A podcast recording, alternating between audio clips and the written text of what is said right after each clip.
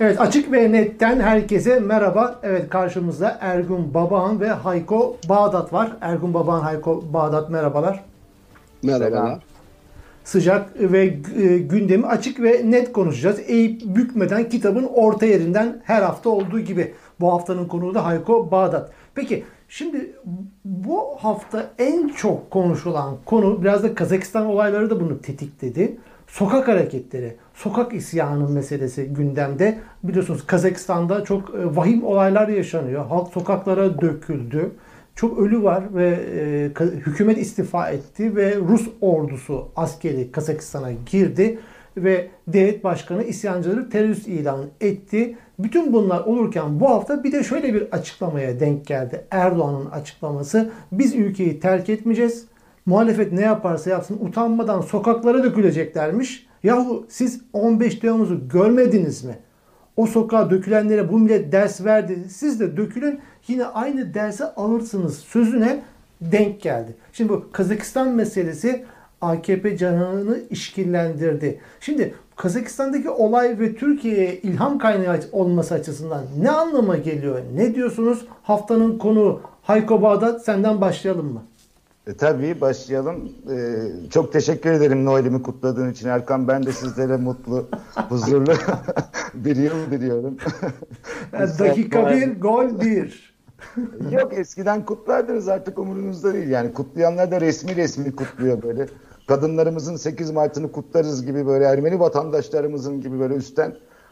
Şaka bir yana iyi seneler yeni bir seneye giriyoruz. İlginç bir seneye giriyoruz. O iyisiyle kötüsüyle geliyor gelmekte olan dediğimiz şeyin içine giriyoruz. Bir seçim sürecidir artık erken veya zamanında.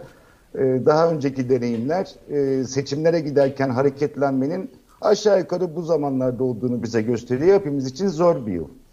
Ee, ama e, şeyi biraz genişletelim. Kazakistan'da olan halk hareketleri aslında e, sosyal olayları, sosyal hareketlilikleri takip edenler için çok yeni bir şey değil. Gerçekten 21. yüzyıl pek çok ülkede pek çok büyük sokak isyanıyla e, karşımıza çıktı.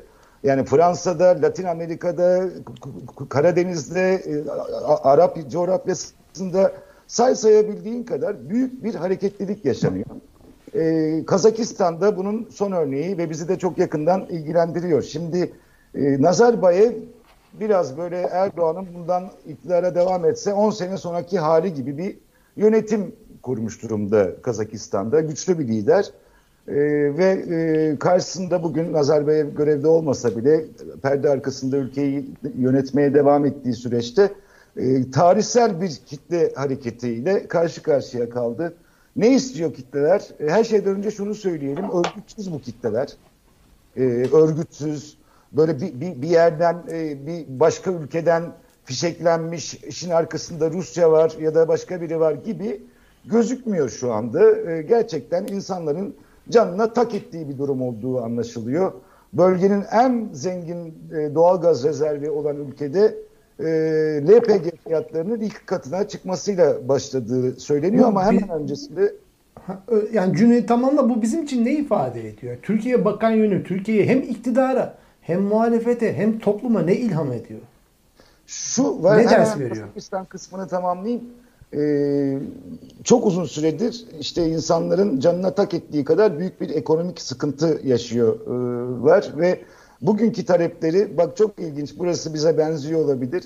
Belediye başkanlarının tekrar seçimle e, göreve gelmesi.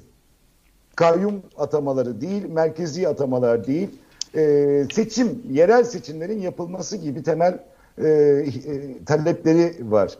Sivil toplum örgütlerinin tekrar özgür bırakılması, faaliyet gösterebilmesi gibi. Şimdi bu ee, bu kadar güçlü bir liderin, bu kadar despotik bir yönetim içerisinde ne kadar sıkıştırırsanız sıkıştırın patlama ihtimali olduğunu bize zaten bir tek Kazakistan değil az önce saydığım bütün örnekler gösterdi. Evet, e, Türkiye'de de e, ilgisi var mı bu olanların? Benziyor mu bir şeyler birbirlerine? İnsanlar gerçekten canına tak ettiği bir noktaya geldi mi diye sorarsan, e, tabii ki öyle. Tabii ki gerçekten bugün e, artık bu, bu düzlükte insanların bir daha hakkının gasp edilme ihtimaline karşı çok büyük öfkeleri olabilir. E, ne yapacak şimdi e, rejim? Neye hazırlanıyor? Yani istersen bunları e, Kazakistan konusunu Ergun abi de konuşsun. Ondan sonra geçelim. Daha uzun konuşmamış olayım ben. Yani Kazakistan'ı biraz da Türkiye bağlamında ele alırsak yani Türkiye meselesinde şimdi bu Erdoğan şimdi şu, şu tartışılıyor aslında. Ee, Erdoğan'ın bu açıklaması biraz önce okuduğum açıklaması hani 15 Temmuz'da görmediniz mi? Soka, sokağa dökülenlerin dersini verdik. Yani Erdoğan bir sokak eğilimi, muhalefetten bir sokak eğilimi mi bekliyor ve istiyor? Ki muhalefetin de tavrı şu oldu e, ve muhalefet ortak bir tavır sergiledi. Sokak yok dediler. Yani e, muhalefetin tutumu mesela Davutoğlu Erdoğan sokağa çıkılsın istiyor açıklamasını yaptı. E, CHP'li Özkoç'un açıklaması var STK'lara. Sokağa çıkmanıza gerek yok. Basın toplantısıyla duyurmanızı istiyoruz mesajınızı diyor. Akşener Hakkeser sokağa çıkmayacağız sandığı bekliyoruz falan. Sokak konusunda muhalefet aman diyor. Buna mukabil yani muhalefet ne gördü? Bir tuzak mı gördü? Erdoğan sokağa mı çekilsin istiyor? Ne istiyor? Ne diyorsunuz? Bu AKP şey Kazakistan olayları da bunu tetikledi mi? Kocaman bir soru yumağı oldu ama Ergun Baban yumağı önüne koyuyorum. Ee, içinde yaşadığımız dönemin e, orta vadede, kısa vadede öngöremeyeceğimiz sonuçları olacak. Koronavirüsten bahsediyorum, Covid'den. Ve Arap Baharı dünyada yaşanan büyük kuraklık e, sürecinin ardından gelmişti. Suriye'de, Mısır'da, Tunus'ta e, buğday ithalatına dayalı gıda fiyatları rekor derecede artınca halkın katlanabilme e, katsayısı artık limite ulaşmış ve isyan başlamıştı. E, bugün de işte Covid e, krizinin yol açtığı yüksek enflasyon, e, ürün zincirinin kırılması gibi e, gerçeklikler e, her yerde yaşamı zorlaştırıyor. Bu gerçeği görmek lazım. Yani e, siz de yaşadığınız ülkelerde market fiyatlarının Türkiye kadar olmasa da 3-5 oynadığını fark ediyorsunuzdur.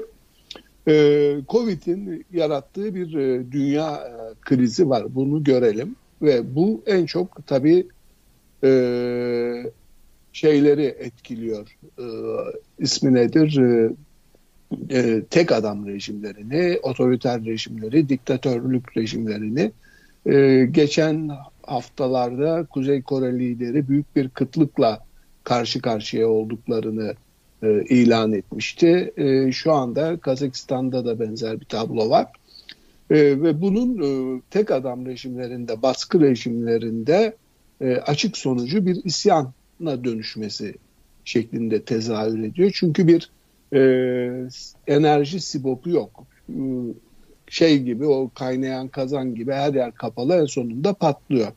Türkiye'nin farkı Türkiye'de bir sandık umudu hala var. E, işte yerel seçimlerde e, sıkıntılar yaşansa da sonuç işte muhalefet e, seçim sandığından başarılı çıktı ve yerel yönetimleri devraldı. Birçok kişi de ben dahil Erdoğan'ın e, bu belediyeleri muhalefete vermeyeceği yönünde ağır bir kanı vardı. E, Türkiye'de şu anda en geç bir yıl içinde bir seçim olacağı, sandığın öne geleceği ve AKP-MHP bloğunun kaybedeceği yönünde genel bir kanı var. Doğru ya da yanlış. Bu bir umut ışığı. O yüzden Türkiye Kazakistan'dan bu noktada farklı. Hala bir sandıkta çözüm beklentisi yüksek. İkincisi Türkiye devletin öncülük etmediği sürece halkın e, sokaklara dökülüp işte bu tip e, şiddet olayları, vandalizm, isyanla karışmış vandalizm e, yaşanan bir ülke değil. Yani Türkiye'deki tüm sokak eylemleri affedersiniz devletin yönlendirmesi sonucu olmuştur. Öyle bir risk olabilir. Ama Gezi öyle ee, olmadı ama, baba. Gezi öyle olmadı. Efendim? İstisnai Gezi kendiliğinden belki. gelişen bir spontane hareketti ve Gezi'de baş, devletin müdahalesine kadar e, şiddet yoktu. Yani o Gezi'yi organize eden çocukların e, vandalizmle, şiddetle, e, yağmayla hiçbir ilgisi yoktu. Yani orada olayı provoke eden, e, kışkırtan ta, e, ve başka e, güçleri devreye sokan bir devlet vardı. Yani orada e, bilerek planlanmış bir süreçti o da orada çadır kuran çocuklar gidip kimsenin malını tekme atmadı, ATM kırmadı, polis vurmadı. Yani Kazakistan'a bakınca onlarca güvenlik görevlisinin öldüğünü görüyoruz. O birikmiş öfkenin yansıması. Ee, Türkiye ile benzerlikleri var ama dediğim gibi sonuçta bir sandık umudu e, Türkiye'yi Kazakistan'dan e, çok ciddi bir biçimde ayırıyor. Orada işte ama belediye sandık baş... umudu diyorsun ama e, baba şimdi e, hepimiz çok iyi biliyoruz ki Erdoğan'ın adil bir seçime gitmesi ve sonuçları adil bir şekilde sandıkların açılması ve sayılması. Hadi aleyhine e, seçimi kaybetti diyelim. Bu seçimi kabul etmesi Erdoğan'ın bu mümkün mü? Mümkün olmadığı çok net değil mi? Bu hafta, geçen hafta Foreign Affairs'e buna benzer bir e, makale yazdı. Hı hı. E, Amerikan ve uluslararası kamuoyuna. Erkan abi çok, çok özür dilerim. İstersen o konuya geçmeden e, bu sokak eylemleri konusunda yani Türkiye'deki bütün eylemleri devlet bir şekilde organize etmiştir sözüne ufak bir itirazda bulunayım. Yani şöyle işte Maraş gibi, Çorum gibi yani o vandalizm içeren şey, katliamları diyorum. Evet. Yani katliamlarını organize etmiş 15 ama 15 Temmuz dahil. Yani sokak eylemliliği e, bugünlerde böyle Hayır, edilmeye barış... çalışırsan senin öyle demek istemediğini biliyorum. Ha, yani barışçıl protestoyla şey ayrı ama bugünkü atmosferde en küçük barışçıl gösterinin bile bir şekilde provoke edilip bir e, anarşizm örneğine çevrilmesi ve bunun devletin baskısını arttırmak için kullanılacağı çok açık. Muhalefet Sen muhalefetin liderlerinin... durduğu yerdesin o zaman baba. Yani muhalefet aman diyor, sokak hayır diyor. Erdoğan evet, gel gel şu... demesine mukabil. Evet yani bu geçen sene belki böyle olmayabilirdi ama seçim satım haline girildikten sonra e, şu anda Türkiye'de e, en küçük işte protest görüyoruz Boğaziçi'li iki çocuk e, hiçbir şey yapmadıkları halde 40 gündür cezaevindeler. Bugün galiba duruşmaları vardı takip edemedim henüz. Ve bir yılları eğitim yılları kaybolmak üzere. Yani bu sadece bir üniversitenin iki öğrencisi. Ee, Erdoğan böyle bir fırsat kolluyor. Muhtemelen e, rejimin e, tehlikede olduğunu, devletin birliğinin, güvenliğinin işte üst akılın Türkiye'de devreye girdiği vatanın ihanetle karşı karşıya olduğunu söyleyecektir ve e, seçimi askıya alma yoluna gidebilecektir. Eğer e, bunca yıl sabretmişse bu halk e, seçim satım haline girildiği bu sürede de aynı sağduyu ve olgunluğu göstermesini beklemek gerekir ki sandık öne gelsin. Yani sandık gelmeden ön yargılarda ya da şeylerde bulunmak çok gerçekçi gibi gelmiyor bana. Ee, evet. Şeyler, bir şeyler Erkan bu arada kırmızı ışığım yanmıyor benim kayıt. Sen kayıt alıyorsun umarım. Tabii tabii. Yok sen korkma kayıttayız. Korktum boşa konuşmayalım diye. Yazdım sana arada. Şimdi e, bir kere bence bir, şu soruyu soralım kendimize. E tabii ki sokak eylemleri meselesi Türkiye'de en önemli gündemlerden bir tanesi. Sokağa mı çekecekler bizi? Bak 15 Temmuz'u hatırlattı. İnsanları mı kesecekler? Oradan olağanüstü hale mi gidecekler? Daha önce yapmadılar mı? Eyvallah. Bu, bunu konuşalım. Ama e, şunu da konuşalım. Yani Erdoğan sokaktan korkuyor mu? Yoksa Erdoğan sokağı istiyor mu? Yani ha, net soru de var. Şimdi önemli bir soru bu. Çünkü Gezi'den korktuğunu biliyoruz hepimiz. Ne kadar kontrol olursa olsun 15 Temmuz dediğin şey korkutucu bir meseledir yani. E, kontrol edilebileceği ne tuzaklarla ne iç hesaplaşmalarla yürüyor bir sürü şey. Bakın Erdoğan bugüne kadar Ergun abinin belki yanlış e, ifade etti ama dediği gibi katliamlarını hep bu tip eylemler üzerinden gerçekleştirmiş bir devlet geleneğine sahibiz. Bırak Maraş'ı Çorum'u e, şu yakın zamanda bile neler ne katliamlar ne sıkıntılar kaç insanın ölümüyle biten durumlar yaşadık. Ve e, bugün şeyden sonra 15 Temmuz'dan sonra insanlar silahlandırıldı. Değil mi? Cemaatler, vakıflar aracılığıyla insanlara e, silahlar dağıtıldı. Kayıp binlerce silah var, Sadat var, bekçiler var, işte polis var. Bütün bunlara e, göre bir korku yolu var. O korku yolunda bir şey olabilir. Bak bu bir şey olabilir. biz Erdoğan gibi kriminalize etmeyelim. İnsanlık tarihi boyunca halkların müdahaleleri olur. Bu bazen e, plansız Kazakistan'daki gibi örgütsüz olur. Bazen daha örgütlü grev çağrılarıyla olur. Ne bileyim kitlesel demokratik e, eylem hakkını kullanma Sudan'da da oldu yani. Şimdi Ha, biz Kazakistan'a odaklıyız. 10 gün önce Sudan'da da oldu büyük gösteriler yani. yani Şu anda dünyanın her yerinde bir her, her yerinde var ve baskıcı olur. rejimlere karşı büyük bir direniş başlamış durumda tekrar. Olur bu. Yani bu bunun olabilme ihtimalini şimdi Erdoğan'ın tuzağına düştük işte yandık e, gibi görmemek lazım. E, bir kere bunu kriminalize etmemek lazım. Ama e, niye korkuyor Kemal Bey? Niye CHP sokağa, Gezi'de sokağa çıkmışlardı kısmen. Ondan sonra adalet yürüyüşünü yapmışlardı. Değil mi? Yani çok da sokağı kullanmayan bir parti değil. Bu dönem niye bu kadar korkuyor? İşte hepimizin bildiği şeyler siyasi suikast ihbarlarında bulunuluyor. Sedat Peker'in dedikleri ortada. Alevi-Sünni çatışması, e, Kürt-Türk çatışması, e, göçmen e, yerel insanların çatışması ihtimalleri, bir şekilde askerin polisin e, sokağa çıkması, olağanüstü hal ilan edilmesi bunları Erdoğan planlıyor olabilir. Fakat şu ana Yani kadar konuş- istiyor diyorsun değil mi Hayko? Yani istiyor demiyorum. Bak daha önce böyle oldu diyorum. Ha, bu- Ee, Kürt- Kürtler ama- sokağa çıktı. Tarihin en büyük katliamlarından biri yaşandı Hendekler'de. Ve öyle o halleri ilan edildi ki bugün Kürt şehirlerinde hala devam ediyor bu uygulamalar. o zaman Hayko demin o uygulamalar, 15 sorduğun Temmuz sonrası soruya net bir cevap güçlü verir misin? Demin sormuş olduğun soru. Erdoğan muhalefetin sokağa dökülmesini istiyor mu? Ya da kontrol edebileceği bir halk hareketi mi yani istiyor? Rahatlıkla Evet, manipüle tabii. edebileceği bir hareketi mi istiyor? Şöyle, Erkan, bunun planlarından 12 Eylül'den biri olduğu kesin diyebiliriz. Yani bugün e, MİT, Ordu, Erdoğan oturup da işte A planı, B planı oy kaybediyoruz ya biz. Ya kaybedersek neler yapabiliriz konusunda tecrübeli bir ekip. Dolayısıyla planlarında mutlaka bu vardır ama Allah'ın lütfu olur yani. Onun. Bak sadece şu anki durumu konuşuyoruz biz. Oysa önümüzdeki dönem onların saldırıları gelecek. Yani bugün e, bu durduğumuz yerde durmayacağız ki işte hepimizin yeni yılla beraber önümüze çıkan bir takım durumlar var. Cumhuriyet Halk Partili belediyelere saldıracaklar işte. Çok net değil mi? E, mümkünse oraların e, muhalefetin yönetiminden e, e, gasp ederek almaya çalışacaklar. Kürtlere yaptıkları gibi. 100 tane belediyeyi çaldılar yani. E şimdi e, daha önce Eren Erdem, Enis Berberoğlu bir dönem yine seçime yakın dönemlerde e, cezaevinde yatmıştı. Dokunulmazlık dosyalarından saldıracaklar.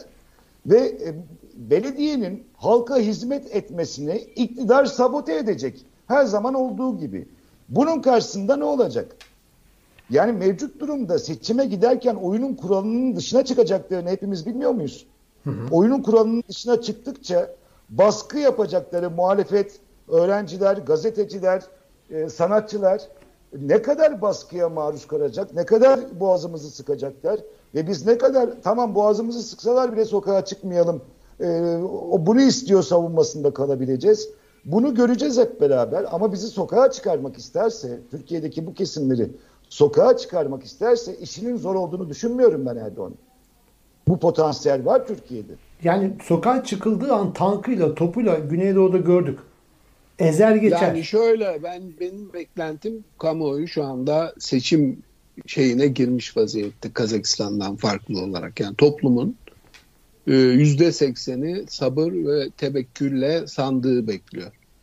O yüzden e, ben e, barışçıl protesto şeklinde de olsa seçim mitinglerine kadar bir sokak eylemi olacağını düşünmüyorum. Zaten 12 Eylül rejiminden başlayarak Türkiye sol hareketi iyi diş ederek protesto geleneğini önemli ölçüde e, ortadan kaldırdı. Yani Türkiye'de Kürtler dışında e, çok az bir sol grupta o direniş şeyi var. Çoğunluk e, eğitim gelir seviyesinden e, farksız bir biçimde e, sokak protestolarına mesafeli. Türkiye'nin geleneğinde de bunun Ama Ergun abi sen kendi kendine sokak eylemi protesto etmekten bahsediyorsun. Ben ben Türkiye'de hiç senin gibi düşünmüyorum. Kitleleri sokağa çıkarmak için şeytani plan şimdi zalime yol göstermeyelim. Siyasi suikastlerden bahsediliyor. İşte bir takım terör eylemlerinden bahsediliyor. Yani bugün Erdoğan insanları sokağa çıkarmak isterse o etkide bir e, eylemle bunu başarabilir. Ben e, muhalif sadece, kanıtı açısından diyorsun. Muhalif kesinlikle, kanıtı kesinlikle. sokağa Kemal Bey sokağa çıkmayı engelleyemez. Nereden çıkarıyorsunuz bunları? Türkiye'de sol e, örgütlerin gücü kadar bir potansiyel değil sokak ihtimali. Gezi'de de gördüğümüz gibi 80 vilayette sokağa çıkıldı. Ve bugün bu yarılma içerisinde Kürtler de ölmedi ya yani Kürtler hala yaşıyorlar. Sokağa çıkma potansiyelleri her zaman var. Yani ben eğer isterse Erdoğan yapabileceği korkunçluklarla kitleri sokağa çekmeyi başarmak için altyapı var. Bunu ne Kemal Bey durdurabilir, ne Meral Hanım durdurabilir, ne Selahattin Demirtaş durdurabilir. Ben e, böyle görüyorum. Bu gerginliği, bu keskinliği bu havada görüyorum. Umarım... Ben senden farklı düşünüyorum. Aslında e, şey e, e, o kadar kolay değil Ayko. Yani dediğim gibi Kazakistan'dan çok önemli bir farkımız var. Sandık göründü tünelin ucunda. Yani o sandık umudu e, her türlü yani bunca yıldır, 3 yıldır, 4 yıldır, 10 yıldır sabrediyor insanlar bu baskı rejiminde. Ve ilk kez Erdoğan'ın kaybetme ihtimalinin yüksek olduğu bir sandık e, gelmesi söz konusu. E, yani eğer devlet o yüzden organizasyonu sadece siyasi suikast değil, devletin tahrik edip getirdiği, öncülük ettirdiği gruplar sokağa dökülüp bir şiddet eylemi başlatırsa o 6-7 Eylül'de olduğu gibi Çorum'da şeyde belki o daha büyük bir e, fırsat verebilir e, rejime ama onun dışında ben Türkiye'de e, genelin artık e, seçim atmosferine girdiğine diye düşünüyorum. E, diyelim ee, ki Ekrem İmamoğlu'nu görevden aldı. Diyelim ki tutukladı. Şimdi gene yani, no, gene bir şey olmaz. Yani CHP verir diyorsun belediyesini İstanbul'u.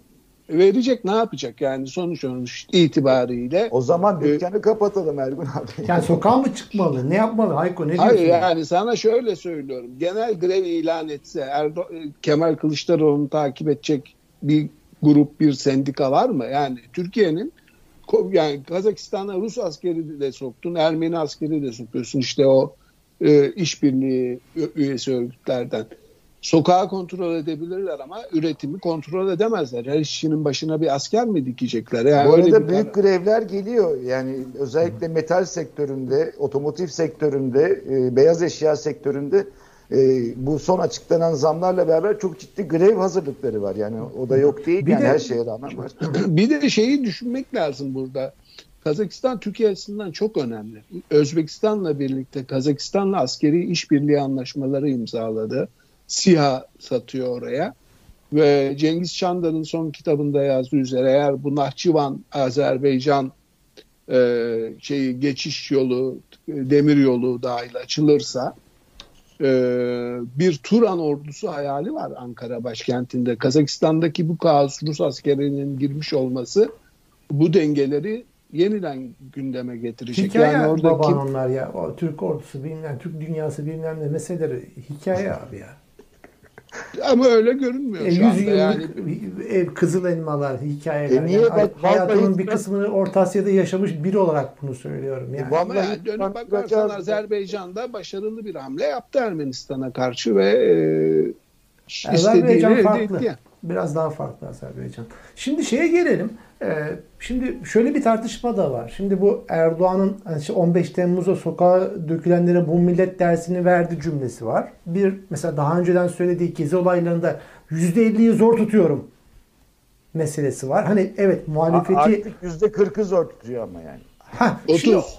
Ona gelelim. Bak ona gelelim. Artık şöyle bir şey de var insanların kafası. Artık Erdoğan e, sokağa dökebil Erdoğan sokağa dökebileceği bir tabanı kaldı mı? Yani şey açısından şey tabanı bu kadrolu e, Sadatçı, işitli bilmem neyi kastetmiyorum. Taban açısından şimdi bugün şimdi seçim şeye gelirken şimdi yayına çıkarken bir bakayım dedim bu anketlere falan. AKP seçmeninin yüzde yetmişi MHP seçmeninin yüzde sekseni 2022 için umutsuz. Bakın bu iktidar tabanı böyle yani. Umutsuz ve kapkaranlık bir tablo görüyorlar. AKP ve MHP seçmeni dahi. İşte o halde tanka atletini sokacak adam çıkar mı bu sefer? Erkan ben, ben, bence var. Yani bak e, şunu söyleyelim. Allah göstermesin. Bak devlet başkanının e, toplumun iki kutup olarak birbirini boğazlaması için bir plan yapıp yapmadığını konuşuyoruz. Tabii. Yani e, korkunç bir durumdayız. Gerçekten e, seçimi kaybederse memlekette iç savaş çıkartır. Yahu iç savaş ne demek? Gazeteciyiz. E, gidip yerlerinde gördük. Yani Ya, Beyrut'ta, ama Hayko başka çaresi yoksa ne yapacak? Başka Şimdi çare bak- yoksa?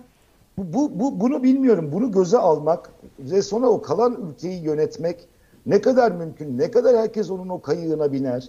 Bugün devlet içerisinde ne durumda? Şu gerçeği görmek yani. lazım Hayko. Yani Türkiye'deki muhalefette işte devrimci bilmem ne hareketi değil. Sonuçta Kılıçdaroğlu, Akşener, Davutoğlu, Babacan e, gibi isimler e, Erdoğan'dan farklı olsa da devlet dediğimiz o yapının güvendiği, e, itibar ettiği isimler aynı zamanda. Yani iktidarın Erdoğan'dan bu bloğa geçmesi devlet dediğimiz bir algı varsa o yapı için alarm çaldıracak, zilleri çaldıracak, Türkiye elden gidiyor havası yaratacak bir e, değişiklik olmayacak. Yani e, eğer hala kaldıysa bu büyük e, kırılma, temizleme sonucunda devlet dediğimiz akıl da bunun e, karşısında duracaktır. Yani ülkenin bir kişinin e, ya da bir bloğun e, şahsi çıkarları ya da kaprisleri uğruna e, cehenneme dönmesine izin vermeyecektir.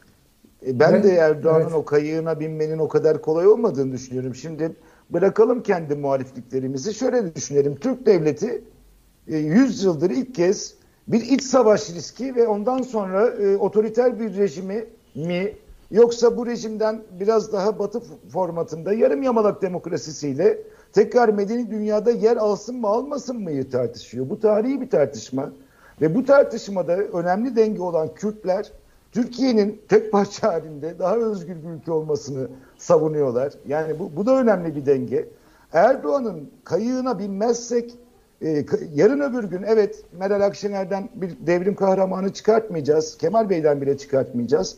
Ama bir şekilde daha daha insanca bir restorasyon dönemine geçeceğimiz aşikar.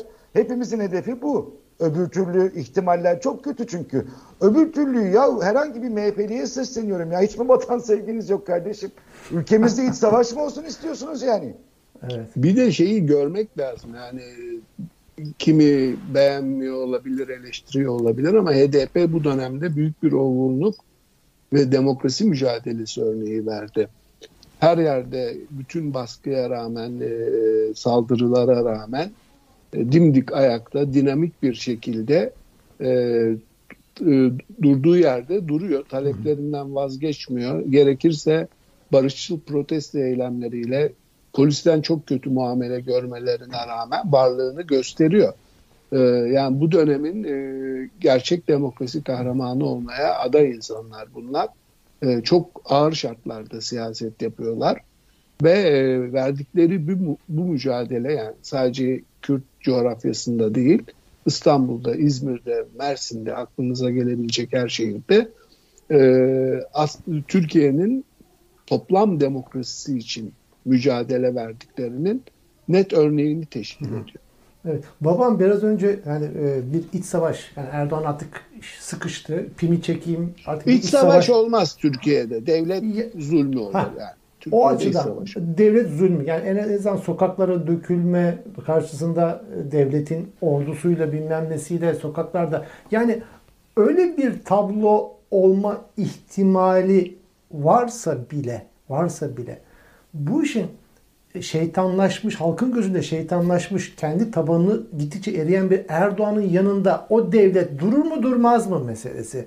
Yani TSK durur mu durmaz mı? Yani Hakan şey e, e, Hulusi Akar, MİT, Hakan Fidan onu da durur mu durmaz mı? O sebeple yani bu ülkenin topraklarında biliyorsun Mürtet adında bir bölge adı var bizde. Yani Yıldırım Timur Savaşı'ndan kalma. Yarın kimin nereye satacağı, hangi safa geçeceği bu topraklarda var bu tür olaylar. Ne olacağı belli olmaz ve Erdoğan'ın yanında da ben saf bağlayacaklarını da düşünmüyorum. Bir de şu gerçeği görmek lazım. Yani Türkiye e, Suriye gibi küçük ve şey e, çeper ülke değil yani bölgenin merkez ülkesi ve 85 milyon nüfusu var. Yani Türkiye'nin o sözünü ettiğimiz bir kaosa girmesi başta Avrupa olmak üzere Batı ittifakı üzerinde öngöremeyeceğimiz bir basınç yaratacak. Yani NATO sistemi de Avrupa sistemi de e, böyle bir gelişmeye gözünü kapatmayacaktır. Yani rahatsız olacaktır. E, Türkiye tek adam rejiminde de olsa, yarı demokraside de olsa barış ve bir istikrar adası olarak yoluna devam etmesi NATO'nun çıkarına. O gerçeği de görmek lazım. Yani öyle e, Türkiye Kazakistan gibi bir ülke değil öyle etrafa şey Peki o zaman şöyle diyelim. Sıçramaz. Baban senin biraz önce yarım kalan bir kapı açtın. Oradan devam edelim. Hayko. Yani şey Soner Çağatay, e, Washington yakın evet. politikası enstitüsü evet. uzmanı. Evet. E, Soner Çağatay bir yazı yazdı ve ve şöyle şunu öneri diyor. Diyor ki en iyi seçenek e, ifadesini kullanmış. Yumuşak bir geçiş süreci için. Yani işte Erdoğan yakıp yıkmadan ülkeyi git, bırakmaz iktidarı. O halde o halde yumuşak bir geçiş süresi için ordunun garantörlük ettiği Erdoğan'a ve ailesine dokunmama sözünün verildiği, muhalefet tarafından verildiği bir çözüm en iyi seçenek önerisi de bulundu. Ne evet. diyorsunuz? Erdoğan bunu son hesapta o noktaya gelindiğinde ki artık çok fazla süre yok. Yani işte bir sene, bir buçuk sene sonra seçimler var Türkiye'nin önünde. Bir kader e, noktası bu. Burada Erdoğan böyle bir teklifi kabul eder mi? TSK garantör olur mu? MIT burada nerede pozisyon alır? İktidar ortada derin yapı bu işin neresinde durur? Ne diyorsunuz bu yazı ve teklif hakkında? Şimdi e, az önce yani bütün devlet o kayığa biner mi meselesinde Ergun abiye sorduğun soruya bir şey söyleyip buna bağlayacağım. E, Türkiye'de sağcılar devleti pek tanımıyorlar Erkan. Yani gerçekten bu garip bir durum. E, yani 600 yıllık, 700 yıllık coğrafyadaki yönetimleri öncesindeki Bizans'ı falan tanımıyorlar fazla bence. Çünkü Türk devleti böyle bir ele geçirilebilir bir mekanizma değildir. Yani kendi sadrazamların çocuklarını öldürmüş bir tarihten bahsediyoruz. Cumhuriyet tarihinde de böyle. Yani bir sağcı kafa artık devlet bu ve benim kurallarımla benim şeklimde yürüyecek çok zannetti. Yani bunu e, çok kötü şekilde de öğrendi sonra öyle olmadığını. Daha da detay vermeyeyim sen gülümsüyorsun. Ama e, şu şu var e, bu ilelebet gidecek bir şey değil. Eşyanın tabiatına aykırı. Elinde sonunda bu olacak. Erdoğan bu, bu rejimi Erdoğan'ın bu yönetimi bitecek. Şimdi soru şu. Soner Çağatay'ın sorduğu soru. Öyle bir noktadasın ki artık e, gel seninle anlaşalım. Biz seni bu suçlardan en azından azade edelim, yargılamayalım. Ve sen de ülkeyi yakıp yıkma. E, gel bir orta yolu bulalım. Bu kulislerde konuşulan bir konudur zaten. Yani bir şekilde Erdoğan'a e, bu, bu bunun teklif edilmesi e, Erdoğan'ın e, bu kadar büyük suçu üstlenemeyeceği için, bu kadar büyük suçun hesabını veremeyeceği için kısmi bir afla yargılamadan muaf tutulması hep konuşulan bir geyik. Geyik çünkü. E, çünkü Erdoğan'a bunu sormanın zamanı şimdi değil. Bunun gerçekçi zamanı gerçekten bu yılı yaşamamız, Erdoğan'ın gerçekten seçimi kaybetmesi, her şeyi cepte görüyoruz. Hiç kolay değil henüz. Seçimi kaybettikten sonra inat etmesi, yenilemek istemesi, işte bahsettiğimiz durumlar, o aşamada sorulur bu. Yani bunu sormaya karar veren bir e, yetkili, muhalif veya devlet yani Amerika'da varsa. Trump bile bırakmak istemedi Hayko yani Erdoğan da muhtemelen bırakmak istemeyecektir. Öyle bir risk var onu görmek lazım. Yani şu an birisi Erdoğan'a gidip bunu söylese tekme tokat dayak yer. Yani kendi yakınlarından ya da devlet içinden. Öyle bir durumda değiliz. Bu çok şey bir durum. Ee, yani Soner Çağatay'ın yazdığı ya bugün bunun üzerine bir siyaset kurmak mümkün değil. Biz bugün seçimi kazanmak en azından o doğal süreci e, sonuna kadar götürüp onun artık o çizginin dışında kaldığı halde oturup masadaki müzakerelerden biridir bu. Umarım yani Soner. Çağatay bunu tabii şeyden yazmıyor. Mutlaka Ankara'da bir takım e, görüşmeler yapıyor. Konuşulan kulis e, bilgilerinin e, damıtıp yazıyor. O yüzden e, bir karşılığı vardır diye düşünüyorum. E, Erdoğan'ın sadece içeride değil e, dışarıda hakkında açılabilecek davalara karşı da bu devletin korumasına ihtiyacı var. Yani işte Beşir çok güçlüydü. Gitti şimdi şeyde yargılanıyor değil mi? Yanlış hatırlamıyorsam. Ee, Uluslararası Ceza Mahkemesi'nde. Yani Su, Sudan. Evet. Şimdi e, Türkiye'nin hakkında da Erdoğan hakkında da e, Amerikan Kongresi'ne yansımış Suriye'de insanlığa karşı işlenmiş suçlarla ilgili bir sürü iddia var. E, bunlar da gündeme gelebilir iktidarı bıraktığı an. Sadece Türkiye iç hukukuyla ilgili değil Erdoğan'ın endişeleri. Uluslararası, Uluslararası hukukun ceza hukukunun da kapsamına girebilir. Yani e, orada devlet ona yani Türkiye sınırları içinde ölene kadar rahatça yaşayabileceği garantisini de vermek zorunda. Biz seni e, teslim etmeyiz, vermeyiz gibi e, tek yönlü değil yani Tür- sadece Türkiye. Peki Türkiye içinde zaten kadrolar ne olacak? Suç ortağı kadrolar var. Yani evet Erdoğan Ama genelde hukuka burada bakan lideri ama hakimi, Uluslararası Ceza savcısı Mahkemesi bir kişiyi alıp götürüyor. Yani şeye bakmıyor alttaki Er- kadroları bir de- ülke. Bir de şey, şey hemen cennete mi ulaşmak istiyorsun? Yani 90'larda binlerce Kürdü faili meçhul öldüren kadrolar ne oldu yani? Ayhan Çağrı'nın- yapanlar ne oldu? Yani Yani Ayhan Çarkın Türkiye hukuk yolunda gibiyken bile çıktı bir sürü cinayeti itiraf etti. Adamı hapsettiler. Hiçbiri açıklanmadı. Yani Yani hep- Türkiye'de bir şey devlet Bak adına. iki gün önce Cemil Kırbayır'ın dosyası düştü zaman aşımından biliyorsunuz Berfa Kimin? annenin. Cemil Kırbayır 80 ihtilalinde alıp götürülüp öldürülen kaybedilen Berfa Ana'nın oğlu kadın hayatı boyunca ya mücadele bak böyle, böyle durumlarda hep evren dönemi örnek verilir. Ev- Evreninin eceliyle işte kaç 90 yaşında e, korumalarla rahat rahat yaşayıp öldüğü bir ülke oldu burası. 12 Eylül vahşetine rağmen. Daha güncel örnekler var işte. Mehmet Ağar duruyor işte orada. Hala adam marina yönetiyor. Hala işte yapıyorsa uyuşturucu uyuşturucu işlerini. Hala polisi yönetiyor herif. Mafyayı yönetiyor yani. bir şey değişmediği için 90'ların hala yönetiyor. yani? Hayko bir şey değişmediği için hala yönetiyor. Bir şey değişme ihtimali olması durumunda ne olur? Ama Aynı 100 şey, yıldır Tansu Çiller de bu. burada. Hatta Meral Akşener şimdi muhalefet umudu yani o kadronun içinden bir e, kısa da olsa bakanlık yapmış. Şimdi Yani Abdülhamit döneminden beri bu gerçek değişmemiş. Şimdi Yani- elimizdeki malzemeyi moral bozmamak için söylemiyorum. Ama dönemin Sivas Belediye Başkanı değil mi? Yani Sivas Madımak katliamının döneminin belediye başkanı muhalefetin bir partisi. 90'ların o katil başta Kürt iş adamları ondan sonra Kürt halkını katleden o insanların kadrosu bugün bir başka partinin başkanı. Şimdi sen öyle bir Erdoğan sonrası ne yapacağız o çevresindeki insanları diye hesaba girersen bizim geleneğimizde böyle bir şey yok yani. Hiçbir zaman olmadı bu yani. Tabii Bunu rejim devam ettiği sürece yani Erdoğan değilse bile bu rejim devam ettiği sürece bu rejim kullandığı aparatları cezalandırmıyor. Bu doğru. Şimdi Başka genelde devletler çok büyük bir şey olmadıkça e, kendi adına suç işleyenleri Oliver North vardı e, Reagan döneminin e, İran Gate skandalının baş kahramanı albaydı. İşte o silahların satışına yakalandı şey oldu.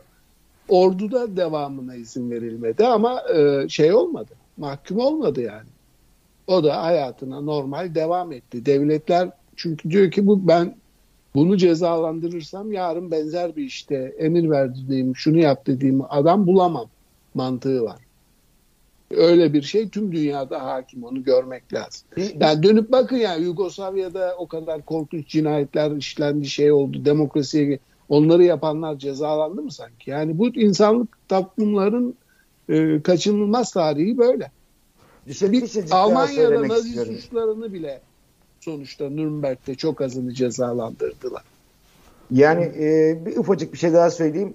Bırak yargılamaları, geçmiş dönemdeki zulümlerin hesabını sormayı.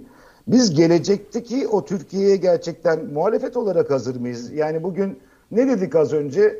E, Kürtler Türkiye devletinin yarılma sürecinde birlikten ve demokrasiden ve insanca yaşamdan yana bir tavır koyuyorlar değil mi şimdi? Yüzde onla bu süreci belirleyecek dengedeler. Diyelim ki o dediğin dönem geldi. Tamam yargılarız ama şunu şunu yapabiliyor muyuz? Hazır mıyız buna?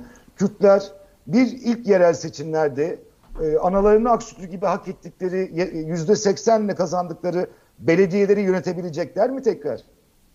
O belediyelerde istediği etkinlikleri, istedikleri dilleri, ana dillerini değil mi? Ana dillerine yatırım yapabilecekler mi?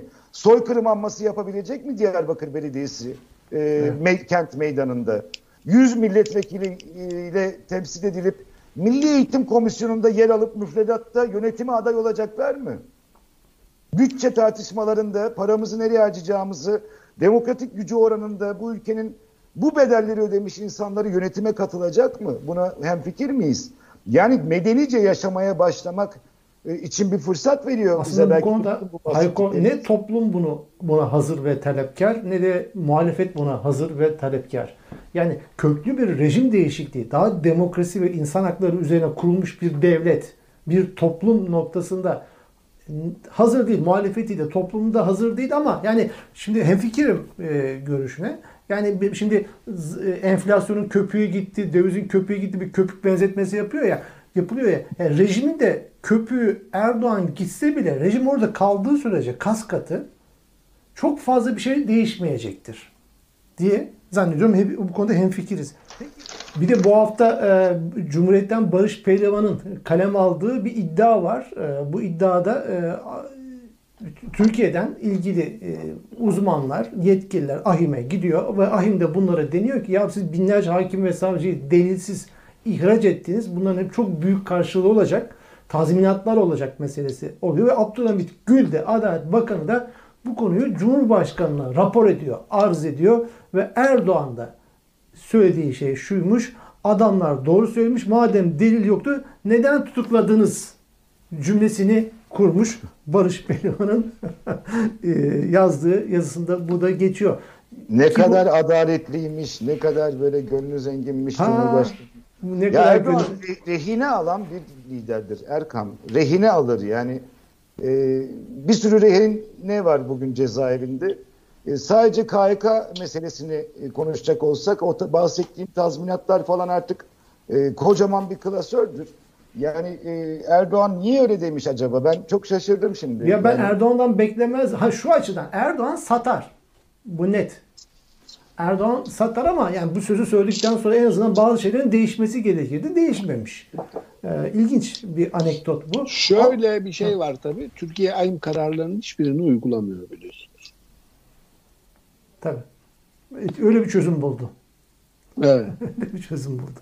Peki şeyi e, vakit ilerliyor. Şevki Yılmaz'ın e, televizyonda ekranlarda söylediği bir e, konuşmada bir ifade var. Onu dilerseniz şey yapalım. Bu Şevki Yılmaz'ı belki gençler bilmeyebilir.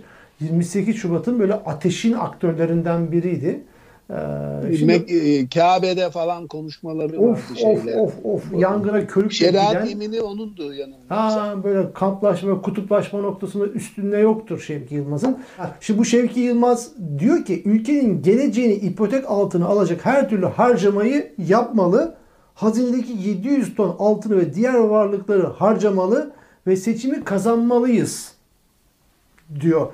Kazanamazsak bile arkadan gelenler tufan yaşasın diyor. Şimdi bu bir zihin röntgeni olması açısından bana hani gündeme değer geldi. Yani böyle kolay kolay ülkeyi terk etmeyecekler, iktidarı terk etmeyecekler. Tek, terk ederlerse de bir harabe kalacak gözüküyor. Ya Erkam yapma. Şevki Yılmaz tamam 28 Şubat'ta hatırlıyorum ben de gençtim ama işte o bütün o sürecin e, şeyini e, ne kadar ciddiye alındı o dönemlerde ya da ne kadar ciddiye alınması uygun görüldü 28 Şubat'ı yapmak için. Ama muazzam ama, bir misyonu vardı o dönem. Ama yani şeyi de hatırlıyorum ben bundan bir süre önce bugün şey izliyordum Halk TV'de e, hatırlattılar arkadaşlar. Bugün mü dün mü izledim.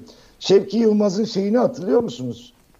Bu Umre Kaçmaz afişiyle e, yaptığı e, Umre turlarını hatırlıyor musun?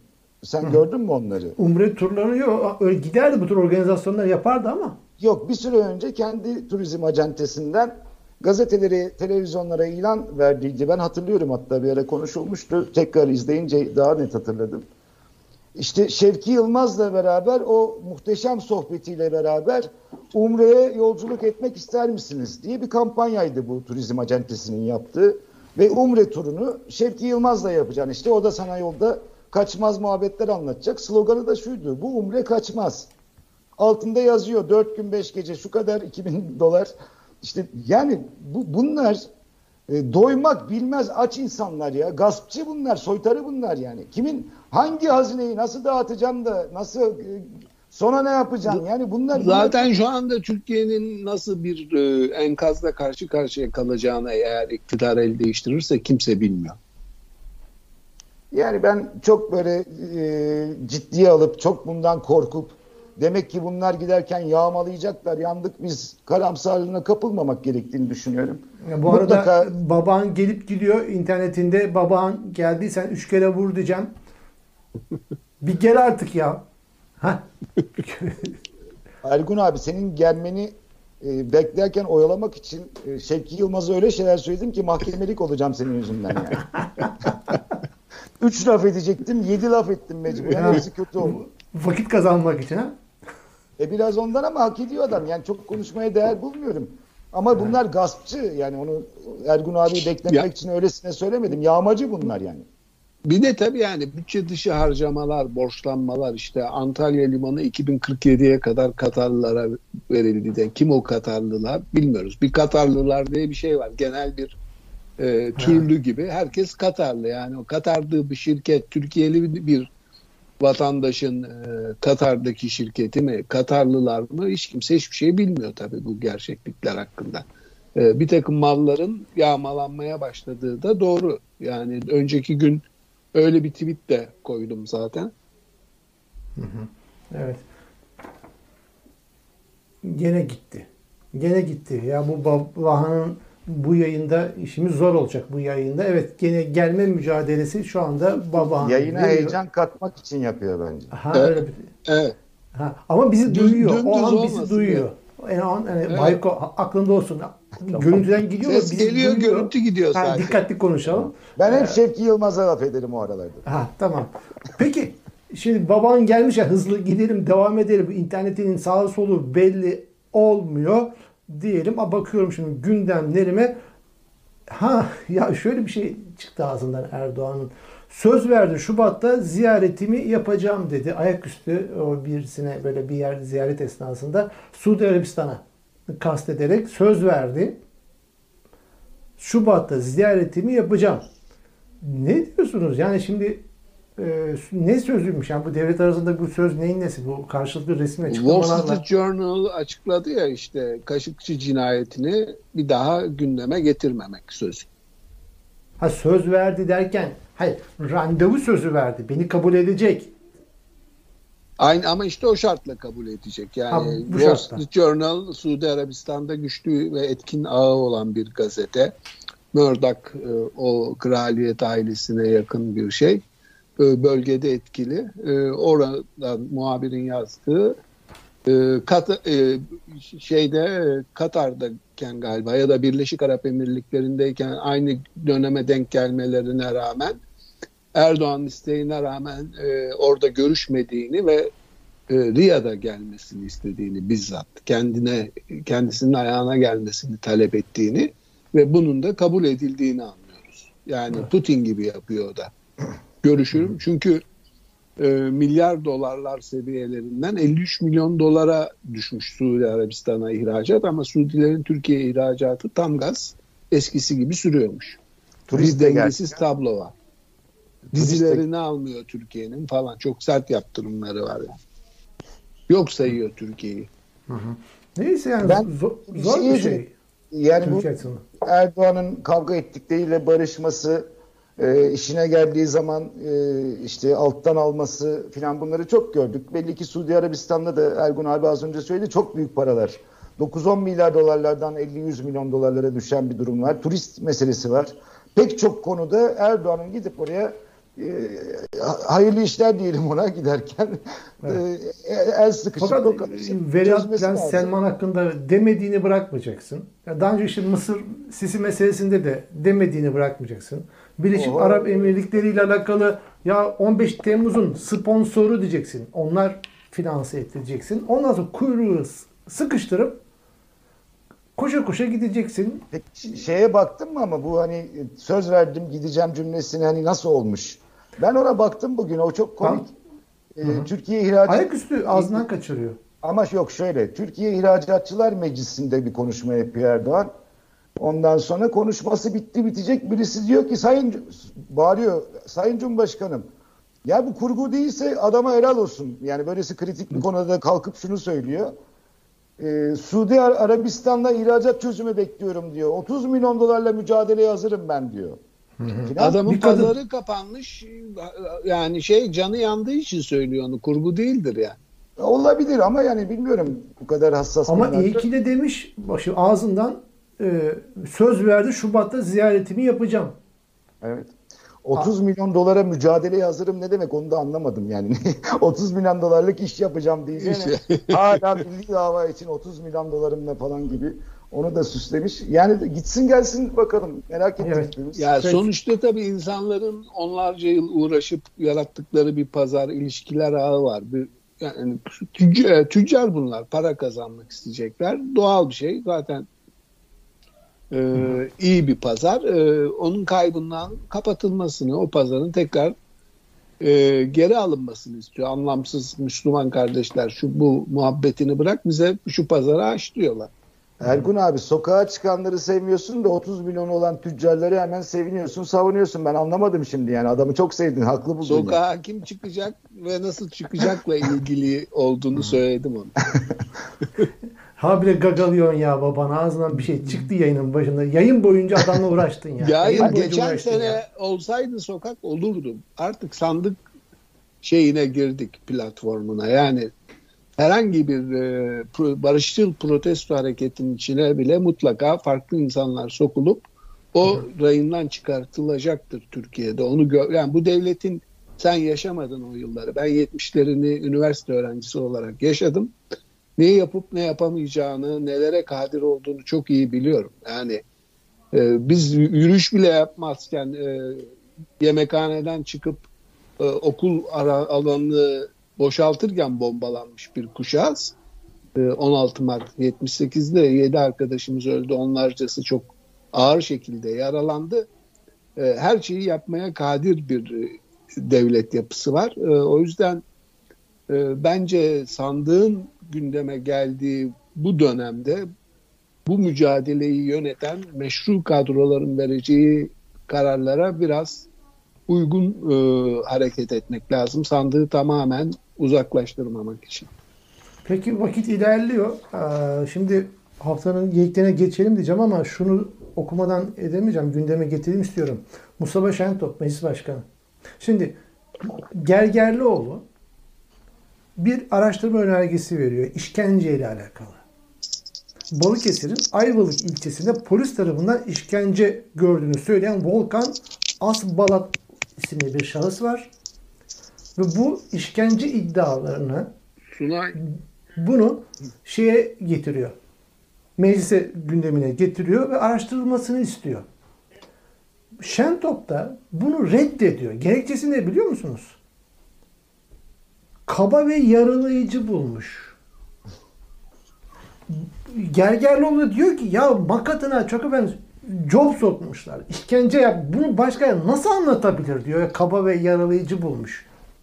Yetince kibar bulamamış Şentop ve bu işkence meselesini araştırma önergesinde reddetmiş. Bunu da tarihe geçsin. Kayıt altına bu- girsin. Bu vesileyle de şunu söyleyelim. Cezaevlerinde işkence sürüyor. Cezaevlerinden cenazeler çıkmaya devam ediyor. Çok ağır e, vakalar var. Hasta tutsaklar var. E, iyi bir haber. Berke ile Perit Boğaziçi'li öğrenciler bugün serbest kaldı. Ama Aysel Tuğluk başta olmak üzere e, çok ağır insan hakları ihlalleri devam Hala ediyor cezaevlerinde. Yani e, Ömer Faruk Bey sağ olsun bu işlerle çok uğraşıyor ama yetmez. E, Biz de her programımızda, her vesileyle, her elimize kalem aldığımızda derdimiz olsun Erkam. Çok kötü durum cezaevlerinde. Evet. evet. Peki. E, haftanın geyiklerine geçelim mi? Geçelim. Geçelim. İlk geyikler haftanın konuğu Hayko sende. Evet sona çalarsınız. Tabii. Şimdi e, biraz baktım neler var. Aslında trajikomik hikayeler. Bu Milli Eğitim Bakanı Mahmut Özer, e, Kemal Bey işte yine oraya gitmek istedi, kapıyı kilitlediler hikayesi oldu. Sorulmuş demiş ki yok ya protokolden gelmedi ondan almadık yani. Hadi be. Bunu mu demiş? Tam böyle dememiş ama protokolden gelmedi iyi mazeret olarak göstermiş. Gerçekten komik dalga geçiyorlar. Ee, başka bir yine bu bizim geyiklerde çok konu oluyor ama her hafta demek ki yapıyorlar. Bak tarihe kayıp düşüyoruz. Yani komedi olmaktan çıkamayan bir konu var. Cem Yılmaz'ın Gorası gibi Türkler uzayda konusu. Ulaştırma ve Altyapı Bakanı Adil Karaosmanoğlu uzayda izi olmayanın dünyada gücü olmaz. Uzayda Türkiye'nin gücünü bütün dünya hissediyor artık demiş. yani, Benimkini patlattın. Amerikalılara uydu yaptırdık ya ondan herhalde. Ya iletişim uyduları artık Vodafone, Turkcell gönderiyor onları. Yani neyse küçümsemek için söylemiyorum ama gerçekten milletin yarım ekmek, çeyrek simit falan tartıştığı günlerde e, tam tipik bir diktatöryel propaganda mekanizması olarak e, işte yerli uçaklar, yerli arabalar, uçan arabalar, aya yumuşak iniş demişti Varank. Yani aynı aileden devam eden propagandası. Geçen bir karikatür gördüm. Gariban adam bu TOK sergilenmiş ya. E, işte bu kumarhane diyarı neresi? Las Vegas mı? Ha, orada TOK sergiliyor. TOK açın halinden anlamaz diyor. Garibim orada üstü başı perişan. şey ya bu... e, bu arada işte helikopter yapıyoruz, uçak yapacağız diyorlar ama e, o atak helikopterlerinin motoru e, İngiltere'den mi Amerika'dan? Amerika'dan galiba. E, o Amerika onay vermediği için Pakistan'a satılması planlanan helikopterlerin satışı suya düştü. 1,5 milyarlık alımı iptal etti Pakistan. Çünkü kabını yapıyoruz da içini yapamıyoruz şeylerin, uçan şeylerin. Siyah dahil. SİHA'larda iyi olduklarını biliyorum ama ben. Yani SİHA'da... Motor da Ukrayna'dan falan geliyor. Rolls-Royce'da yani o durursa ve şimdi işte Amerikan Kongresi'ne bütçe eklenmiş bir şeyle o SİHA'ların e, Ermenistan-Azerbaycan savaşında e, insanlığa karşı suçlarda kullanıldığı yolunda bir araştırma yapılması önergesi eklendi maddesi. Amerikan yönetimi onu doğrularsa Amerika'dan alınan parçalara da ambargo gelecek. Ya bu bunun da politik bir şey olduğunu unutmayalım. İnsani bir şey değil. Sanki Amerikan silahları sivil öldürmüyor ya da SİHA'yı yapıyorsan kimi öldüreceksin? Yani çok inanmıyorum ben onlara ama dur şey sonuçta kongredeki anti Erdoğan şeyini göstermesi aynen. açısından önemli aynen. o. O dalganın gücü yani. NATO müttefiki falan bakmıyor adam. Evet, geçlere devam. Bir haber, komik bir haber. Yani ne yapsam bu kötü habere gülmeden geçemedim. Diyarbakır'ın göbeğine e, Devlet Bahçeli Hatıra Ormanı yapacaklarmış. ya hangi hatıra, neyin hatırası Ahmet'te ne oluyor bilmiyorum ama gerçekten trajik. Hakaret ediyorlar insanlar. Ya ama yani bunu yani, hep yapıyor devlet. Yani e, inadına diyelim ki Fener, Balat'taki Fener Patrikhanesi sokağın adını özellikle bir isim konuyor. Yani bunu planlı ve bilinçli özellikle bunu hep devlet yapa geldi. Erkan ben e, stand-up'ımda da anlatıyorum.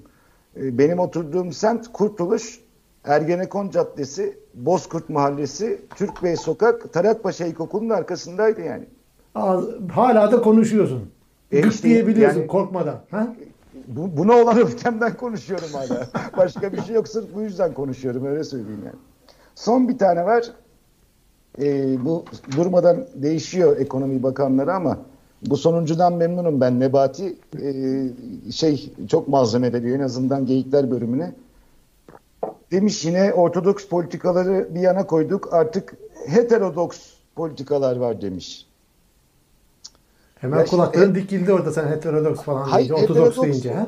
Hayır, ha, ortodoks biliyoruz kavramsal olarak sadece dini kavramlar değil bunlar yani o, şeyi biliyoruz ama bizim Garo çıkmış demiş ki ya bakan bu e, heterodoks deve midir, kuş mudur, nedir yani siz ne yapıyorsunuz yani? Şimdi şu demekmiş, ben de şeyden baktım internetten ne demek diye. Arjantin, Brezilya falan uygulamış bunu. Yani rutin olan enflasyon, e, ekonomi, döviz neyse o ekonomik ilişkilerin dışında davranabilen e, bir ekonomi. Yani oyunun kurallarının dışına çıkarak artık Yeter olan bassın bu dünya demişler. Bu ekonomi böyle gitmez. Biz oyunun kurallarını değiştiriyoruz demişler. E, heterodoks o demekmiş. Bir de bu komik geldi. Nebati ilginç bir insan. İlginç Herhalde konuştu. bir metin verdiren e, heterodoks, ortodoks, eklektik falan böyle bayağı bir artistik e, açıklamalarda Ya bulundu. zaten ekonomik kavramları çok bilmiyorum ben. Yani şimdi bir sürü şey söylersiniz. Bakan neler ama biliyormuş Bence Nebati de bilmiyor yani. bir de bu var bende. Evet. Peki bu kadar mı? Bu kadar. Bitti. Babahan sende. Ee, Yiğit Bulut gündemde. Şimdi önceki gün bir CHP'nin önergesi vardı. Free shop'a girip sigara alıyormuş e, bir başkasının pasaportunu kullanarak. iç hatlardan geçiyormuş. Ama asıl şey işte 3-4 şirketten aldığı toplam maaş 200 bin liraymış. Geçen ay yediği bir yemeğin fiyatı 12 bin TL. Sadece yemeğin faturası. Ee, biri onu paylaşmış attım sana görüntüsüyle Ee, emekli maaşının sadece 2500 lira olduğunu hatırlatarak Ee, Ne yemiş abi 12 bin liraya? şey de var e, İyi yemiş döküm. ama. Ee, Vartol'un güzel bir tweet'i vardı açabilirsem. Evet onu sana attım da Erkam şeyle yaparsın. Elektrik zamlarından sonra efsane geri döndü. Bize bu nostaljiyi yaşatan AKP'ye minnettarız diyor. Efsane de şey gaz lambası. Artık insanlar e, yani benim e, çalışan şey yapan arkadaşlarım bile artık elektrik faturalarıyla e, boş, başa çıkmakta zorlanıyor. Dahi Bilal'in bir e, tweet'i var. AKP'liler sokağa çıkarsa demokrasi mücadelesi, muhalefet çıkarsa darbe oluyor. Yersen demiş. Çok güzel özetlemiş. Ee, ha Ünal Çeviköz'ün bu şeyden geyik olsun diye değil not olarak almışım. Özelleştirilen limanlarımızın işletme hakkı verilmesi devriyle ilgili sözleşmelerin süresi 49 yıla uzatılmak isteniyor. Mevcut sözleşmelerin süresi dolmadan ve ihale yapmadan vay vay diyor. Bu Şevki Yılmaz'ın e, o sözünün biraz hayata geçmesi gibi sanki. E, o açıdan önemli yani geyik gibi ama aslında acı bir şey e, bir yağmayı anlatıyor. Baban sözünü İlyas unutma. Geçen de e, şeyi izliyordum. İsmini unuttum. CHP İstanbul Büyükşehir Belediyesi meclis üyesi CHP'den. Ya Evet. diyor bir telefonla bağlandı bir yayına da yani e, bunlar gider ayak seçim kaybedeceklerini görünce AKP'li yandaşlara bilmem ne kadar rakam şu an not almamışım. ihaleyi hemen kapatmışlar. Diyor ki önümüzdeki bizim diyor şu kadar sene kılımızı kıpırdatamayız. Adamlar her apar topar bir sürü şey, yandaşa ihaleleri kapatmış. Hepsine gidecek Kemal Bey tek tek. Antalya Havaalanı'na gidecek. Hepsini geri alacak, geri verecek. Öyle söylüyor valla. İlyas Boydak'ın final bu. Gerçekten Türk hukukunun işler acısı halini gösteren. Bizim dosyada bir abi vardı. Tutuklusu, tutukluydu. Savunmasını yapacağı zaman dedi ki Hakim Bey ne savunma yapacağımı bilmiyorum. Çünkü iddianamede benim adım yok. Haydi ya. Sonuç tutukluluğun devamı. İddianamede adı yok. Yani bu kadar Adı olmamıştı. ama tutukluluğun devamında da çıkıyor. evet O iddianamede adın yok ama mutlaka bir bağlantın vardır demişler. vardır. Tabii boşuna mı buradasın? Niye getirmişler seni yani? Ha illa ki. illa ki. Peki sıra bende. Şimdi bir caps gördüm sosyal medyada. Erdoğan'ın ağzından ifade edilmiş ama Erdoğan da böyle bir şey demedi. Onu ifade edeyim baştan. Diyor ki bu zamlarla alakalı. Ben uyumuştum. Gece yapmışlar zamları. Ben de sabah kalkınca eniştemden öğrendim. Vaziyeti kurtarmak adına. Ee, ve takvimin haberini gördünüz mü? Ee, şeyde, Öteki. Hollanda'da, ha öteki Hollanda e, Güvenlik ve Adalet Bakanı oldu. Dilan Yeşilgöz. Kürt. Değil mi? Kürt. Evet. Ee, ve koalisyon ifade şu takvimin. Koalisyon hükümetinde bir Türk ve diğer kökenli kadın bakanda yer alacak. Diğer kökenli. Bu da takvim. AKP'li takvim yandaş gazetesi. Ve şimdi bize bu Kazakistan falan konuştuk ya yayın boyunca işte sokak eylemleri, Türk dünyası vesaire ve Türk dünyasının karizmatik bir lideri vardı. Bir aksakalı vardı. Binali Yıldırım. Türk dünyası aksakalı. O da önemli bir açıklama yaptı. Kazakistan'daki o, e, yaşanan olayları üzüntüyle e, izliyoruz dedi ve devreye girmiş oldu. E, Binali Yıldırım Türk dünyasının aksakalı. Düşünsene Binali Bey gitmiş o protestocular Rus askerlerin ortasına girmiş. Bir dakika ben Türk dünyasının aksakallı dedesiyim beni dinleyin diyor filan. Yani bunların gerçekliği Evinize dönün. Yani, Artık herkes evine dönsün. Erkam sen oraları daha iyi biliyorsun. Var mı böyle şeyler? Binali Bey'in mesela bu dünyada bir ağırlığı filan sözünün geçtiği yerler falan. Kimse tanımaz ve E nasıl kendi Binali'yi. kendine aksakallığını nasıl? E, öyle ilan ettiler. Geçen işte Türkiye'de Türk Dünyası Tayyip liderleri ilan etti. toplantısı oldu ya. Türk Dünyası aksakal olsun bu adam dedi liderlere. Onlar da peki olsun dediler. Bir de- Şimdi aksakal önemli bir kavramdır ha Orta Asya'da. Yani yaşlı anlamına da gelmez illa aksakal. Hürmete değer Tecrübeli. kişidir. Tecrübeli, hürmete değer, saygın, o konuştuğunu Değer adamın dinlersin. oğlu 20 milyar dolarlık servet yapmış. Değmez mi? Ha, aksakal Öyle ya. bir çocuğun babası. Hı hı. Gurur duyuyordur. Allah herkese öyle bir oğlan nasip etsin. Amin demeyeceğim. Allah korusun ya. Zayıf modeli olsa daha iyi olur tabii de. Peki. Ee, ondan sonra Tayyip Aga diyor ki tweetinde elektriğe gelen zam sizi neden ilgilendiriyor? Fişi kendinize mi takıyorsunuz? demiş. Ve İbrahim Karagül Yeni Şafak'ın e, şey, şeyi, e, yayın yönetmeni. Abi muazzam bir Bıraktı kafa var. galiba artık değil. Ha, Sırf yazarı Artık değil. değil galiba. Artık değil mi? Var. Ama Yeni Şafak Çok eski haber o ya. Ha, öyle mi? Yazıyor o zaman ama yeni yazdı bunu. Diyor ki FETÖ Türkiye'den sonra Kazakistan'ı da karıştırdı. İç savaşa sürükledi demiş. Oradan oraya bir malzeme çıkarmış. Siyah Mossad'la bir işbirliği yapmış.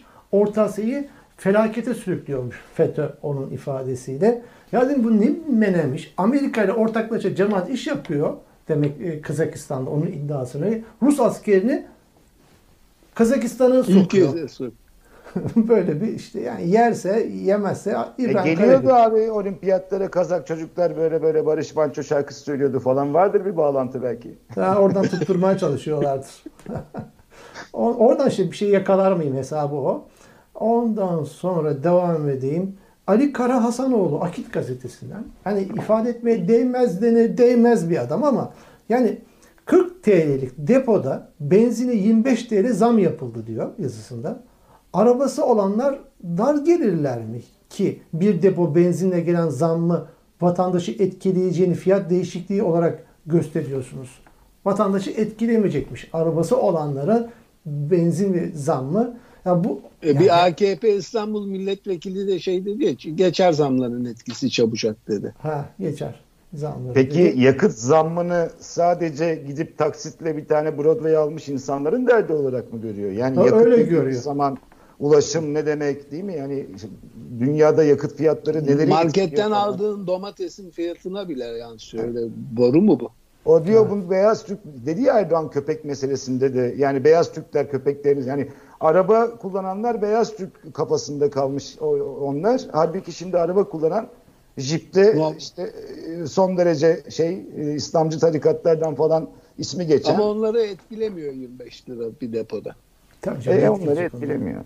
Etkilemiyor. Ve Evet. Erdoğan'ı da etkilemiyor ve son şeyim o. AKP'li Cumhurbaşkanı Tayyip Erdoğan'ın maaşı yüzde yüzde 14.4 zamlandı.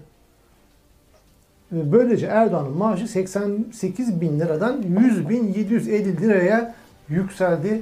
Ee, Böyle bir durum var. O da enflasyonun altında kalmaması gerekiyor. Tayyip Erdoğan'ın da geçinebilmesi çok önemli. Gemiler, gemicikler, filolar meselenin bir başka boyutu. Evet benimkiler bu kadardı. Haftanın geyikleri. Programımızın sonuna geldik. Çok teşekkür ediyorum. Tekrar görüşmek üzere. Hoşçakal. Hoşça-